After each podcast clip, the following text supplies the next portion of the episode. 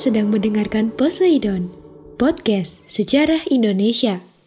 Ngomongin masa lalu dengan gaya masa kini. Assalamualaikum warahmatullahi wabarakatuh. Selamat pagi, selamat siang, selamat sore, dan selamat malam. Kembali lagi dengan saya Gata Kemal Frakdinda dalam Poseidon Podcast Sejarah Indonesia. Podcast yang bikin kalian gagal move on. Nah, pada kesempatan kali ini kita akan ngomongin tentang demokrasi terpimpin Nah, kalian tahu nggak setelah merdeka pada tahun 1945 sebagai negara baru, Indonesia pernah beberapa kali berganti sistem pemerintahan. Setelah mencoba demokrasi liberal yang nyatanya gagal seperti kisah cinta kalian, Indonesia mengubah haluan sistem pemerintahannya ke sistem demokrasi terpimpin. Hal ini dimaksudkan agar seluruh keputusan serta pemikiran yang berkaitan dengan negara berpusat pada pemimpin negara pada saat itu yaitu Soekarno. Pada demokrasi terpimpin dimulai sejak masa lahirnya dekrit presiden pada tanggal 5 Juli 1959.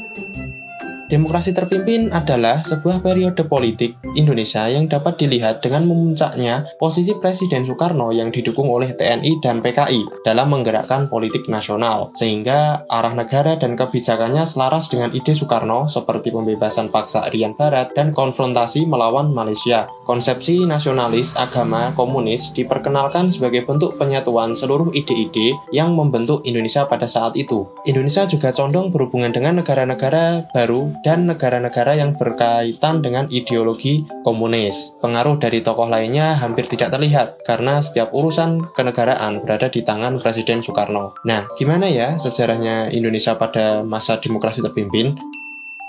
Nah, pada masa ini dimulai dari disampaikannya dekrit presiden pada tanggal 5 Juli 1959. Dekrit ini berisi mengenai pembubaran konstituante, pembentukan DPA dan MPR, serta kembalinya konstitusi Indonesia pada UUD 1945.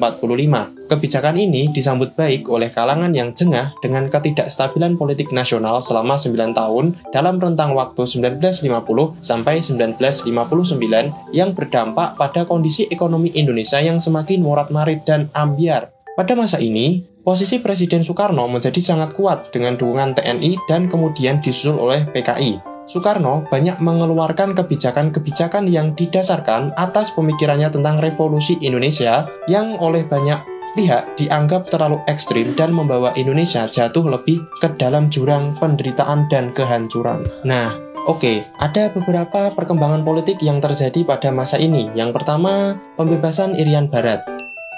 Seperti yang kita ketahui ya, Irian Barat pada saat itu masih belum jadi pangkuan milik Indonesia, tapi masih dibawa oleh Belanda. Nah, pembebasan Irian Barat menjadi program utama pemerintah Indonesia sejak diputuskan permasalahannya dalam konferensi meja bundar pada Desember 1949. Program ini baru digenjot pelaksanaannya pada masa demokrasi terpimpin. Indonesia mengusulkan pembahasan ini dalam konferensi Perdana Menteri dan kemudian sidang Dewan Keamanan PBB pada 1956 sampai dengan 1960, sehingga Indonesia memutuskan hubungan diplomatiknya pada bulan Agustus. Amerika Serikat ditunjuk PBB untuk membantu menyelesaikan masalah Irian Barat. Namun, pada saat yang sama, Indonesia juga mempersiapkan opsi militer untuk merebut Irian Barat. Jenderal Nasution mengamankan perjanjian senjata dengan Moskow, sementara Soekarno mengumumkan Tri Komando Rakyat atau yang namanya Trikora. Hal ini direspon Belanda dengan memperkuat perbatasan dan memperkuat pertahanan di Irian Barat dengan mengirimkan kapal induk Carol Dorman. Kemudian Indonesia juga tidak diam saja tentunya. Indonesia kemudian menjawabnya dengan Operasi Mandala yang dilakukan di bawah pimpinan Maijen Soeharto dan berhasil menguasai Terminabuan. Belanda mendapat tekanan dari Amerika Serikat untuk berunding karena Belanda kan masih bokek ya saat itu dengan dikasih bantuan Marshall Plan oleh AS yang kemudian diancam kalau tidak mau ke perundingan maka akan dicabut Marshall Plan-nya. Nah, karena Indonesia mendapatkan dukungan penuh dari Uni Soviet, jadi AS juga gampang ya takut Indonesia masuk ke dalam grup komunis. Nah, konflik berkelanjutan akan membuat AS dan Uni Soviet akan terlibat di agresi Pasifik Barat. Belanda melunak dan akhirnya menyepakati perjanjian New York pada Agustus 1962. Perjanjian ini ditindaklanjuti dengan penyerahan Irian Barat dari PBB ke Republik Indonesia secara sementara pada 1 Mei 1963. Dan kemudian ada yang kedua nih, yaitu gerakan non-blok politik luar negeri Indonesia didasarkan pada prinsip bebas aktif, sehingga dapat berhubungan dengan negara mana pun yang berusaha mewujudkan perdamaian dunia.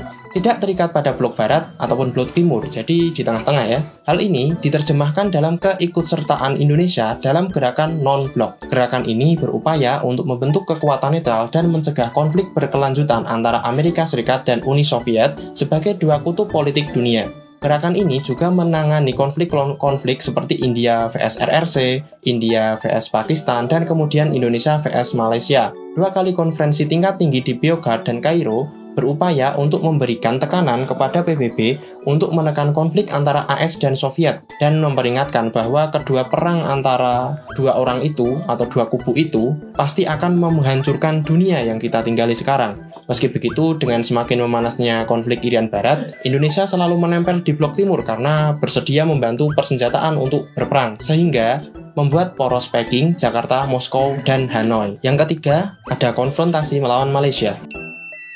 Konfrontasi ini dimulai setelah Tengku Abdul Rahman mengumumkan pembentukan Federasi Malaya pada 27 Mei 1961. Kebijakan ini didukung oleh Inggris dan persiapan-persiapannya juga didukung oleh Inggris.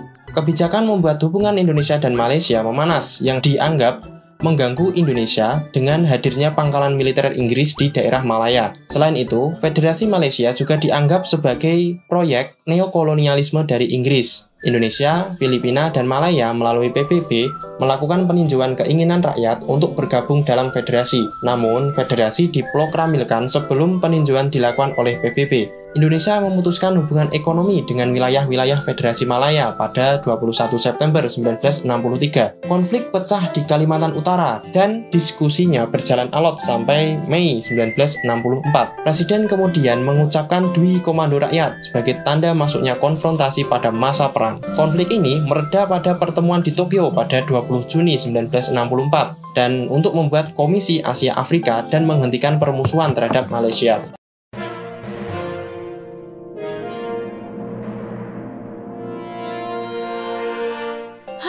Teman-teman, saatnya kita masuk di segmen History Flash.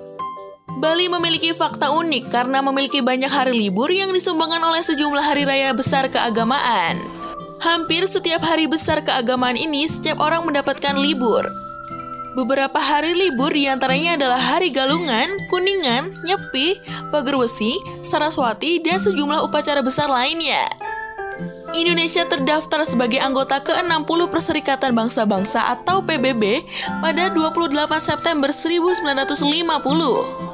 Pada tahun 1965, Indonesia memutuskan keluar dari keanggotaan PBB karena kemarahan Soekarno atas terpilihnya Malaysia sebagai anggota tidak tetap Dewan Keamanan PBB.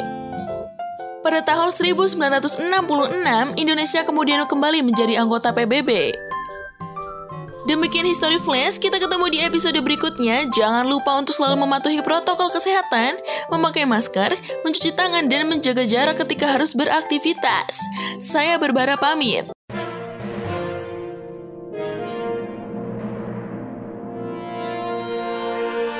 Kemudian yang terakhir, ada perkembangan dari politik yaitu keluar dari PBB. Indonesia memutuskan untuk keluar dari PBB pada Januari 1965 disebabkan oleh diterimanya Malaysia sebagai anggota PBB, bahkan sampai menjadi anggota Dewan Keamanan Tidak Tetap PBB. Aksi ini sangat disayangkan karena Indonesia kehilangan forum yang sangat besar untuk memperjuangkan penyelesaian konfliknya dengan Malaysia. Jadi ceritanya Indonesia ngambek ya dengan PBB sehingga keluar dari PBB. Kemudian, hal ini diganti dengan menginisiasi berdirinya New Emerging Forces atau NEVO yang terdiri dari negara-negara kekuatan baru yang lahir setelah Perang Dunia Kedua dan dengan paham anti kolonialisme. Sekaligus pada saat itu Soekarno juga menginisiasi berlangsungnya Conference of New Emerging Force atau CONEVO dan Games of Emerging Force atau GANEVO.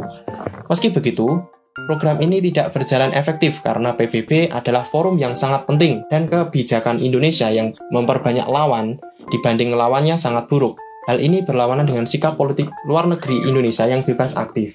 Dan pada akhirnya Indonesia juga akhirnya pada masa Orde Baru kembali lagi ya karena ya ganti rezim, ganti kebijakan. Nah, eits sebelum kita lanjut ke pembahasan tentang perekonomian, ada beberapa pesan-pesan ciamik nih buat kalian. Nah, terus sembari kita beristirahat, kita tarik nafas dulu dan kita rehat sejenak. Kita masuk ke kondisi ekonomi Indonesia pada awal demokrasi terpimpin. Nah, kondisi ekonomi pada demokrasi terpimpin sangatlah terpuruk akibat beberapa pemberontakan yang terjadi di Indonesia. Untuk mengatasi keadaan ekonomi pada masa ini, sistem ekonomi berjalan dengan sistem komando, di mana alat-alat produksi dan distribusi yang vital harus dimiliki dan dikuasai negara atau minimal di bawah pengawasan negara. Pada masa ini, terdapat beberapa kebijakan ekonomi yang dilakukan, yang pertama, pembentukan Dewan Perancang Nasional atau Dapernas dan Badan Perancang Pembangunan Nasional atau Bapenas. Upaya perbaikan perekonomian Indonesia dilakukan dengan pembentukan Dewan Perancang Nasional pada 15 Agustus 1959 yang dipimpin oleh Muhammad Yamin. Dapernas kemudian menyusun program kerjanya berupa pola pembangunan nasional yang disebut sebagai pola pembangunan semesta berencana dengan mempertimbangkan faktor pembiayaan dan waktu pelaksanaan pembangunan. Pola pembangunan semesta dan berencana terdiri atas blueprint tripola, yaitu pola penjelasan pembangunan dan pola pembiayaan pembangunan. Pada tahun 1963 juga dibentuk Badan Perancangan Pembangunan Nasional atau Bapenas yang dipimpin oleh Presiden Soekarno sendiri sebagai pengganti Dapernas. Tugasnya untuk menyusun rencana pembangunan jangka panjang maupun pendek dari negara Indonesia. Yang kedua, penurunan nilai uang.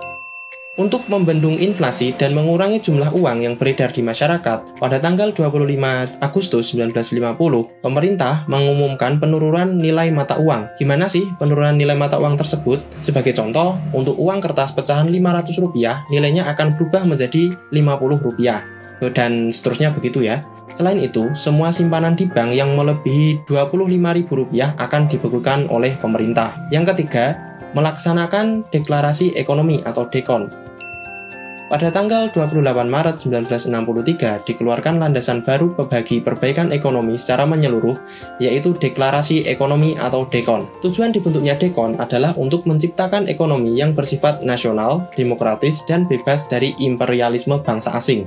Meski begitu, dalam pelaksanaannya, DEKON tidak mampu mengatasi kesulitan ekonomi dan masalah inflasi, Dekon justru mengakibatkan perekonomian Indonesia malah stagnan dan malah menurun. Masalah perekonomian diatur atau dipegang oleh pemerintah, sedangkan prinsip-prinsip dasar ekonomi banyak diabaikan. Yang keempat atau yang terakhir, adanya proyek pembangunan mercusuar. Keadaan ekonomi semakin buruk karena pembengkakan biaya proyek mercusuar. Nah, proyek mercusuar itu apa ya? Bukan kok membangun mercusuar untuk kapal. Proyek mercusuar Soekarno adalah proyek pembangunan ibu kota agar mendapat perhatian dari luar negeri untuk memfasilitasi Ganevo atau Games of New Emerging Force sebagai tandingan dari Olimpiade. Pemerintah membangun proyek-proyek besar seperti Gedung Konevo yang sekarang dikenal sebagai Gedung DPR, MPR, dan DPD DKI Jakarta, Stadion Gelora Bung Karno, Hotel Indonesia, Jembatan Semanggi, dan pembangunan Monumen Nasional atau Monas. Serta yang terakhir juga membangun pusat pertokoan Sarinah yang baru-baru ini ditemukan arca-arca di bawahnya. Jadi banyak proyek juga banyak ngeluarin uang, namun perekonomian masih ambiar. Jadi ya timpang sekali. Oke, kita masuk ke akhir. Nah, demokrasi terpimpin juga ada akhirnya. Gencarnya aktivitas politik internasional Indonesia seakan menutupi dinamika dalam negeri. Di Jakarta, tiga poros PKI, TNI, dan Soekarno semakin kuat memberikan pengaruh satu sama lain. Posisi PKI semakin kuat sebagai pendukung politik Soekarno. Di sisi lain, menggiatkan upaya di akar rumput untuk meraih dukungan dari masyarakat. Salah satunya dengan mengusulkan angkatan kelima dengan mempersenjatai buruh tani sebagai bentuk bantuan atas panggilan revolusi Soekarno. Hal ini menimbulkan ketidaksenangan di kalangan TNI yang kemudian menganggap TNI sudah melampaui batas politik biasa. Namun, kemudian muncul informasi yang menyatakan bahwa antara PKI dan TNI sedang mempersiapkan kudeta pemerintahan karena ketidaksenangan tersebut. Gong pun bersambut pada tanggal 30 September 1965 malam, sebuah aksi yang diduga dilakukan oleh PKI menewaskan tujuh perwira tinggi TNI di Jakarta Presiden Soekarno memberikan mandat kepada Soeharto selaku mengpangat untuk mengembalikan keamanan dan wibawa pemerintah setelah kekacauan yang terjadi. Melalui surat perintah 11 Maret 1966 atau Super Semar. Terjadi dualisme kepemimpinan pada masa ini karena roda pemerintahan sekarang dijalankan oleh Soeharto. Meski begitu, Soekarno menyampaikan pidato Nawaksara pada sidang MPRS tanggal 10 Januari 1967. Namun, dianggap tidak cukup untuk mempertanggungjawabkan peristiwa yang terjadi dalam hampir dua tahunan tersebut. Pada akhirnya, pada Kamis 20 Februari 1967, Presiden Soekarno memindahkan kekuasaan pada pengemban super semar yaitu Soeharto. Dengan masa ini, Demokrasi terpimpin kemudian berakhir dan kemudian lahirnya Orde Baru yang dipimpin oleh Soeharto.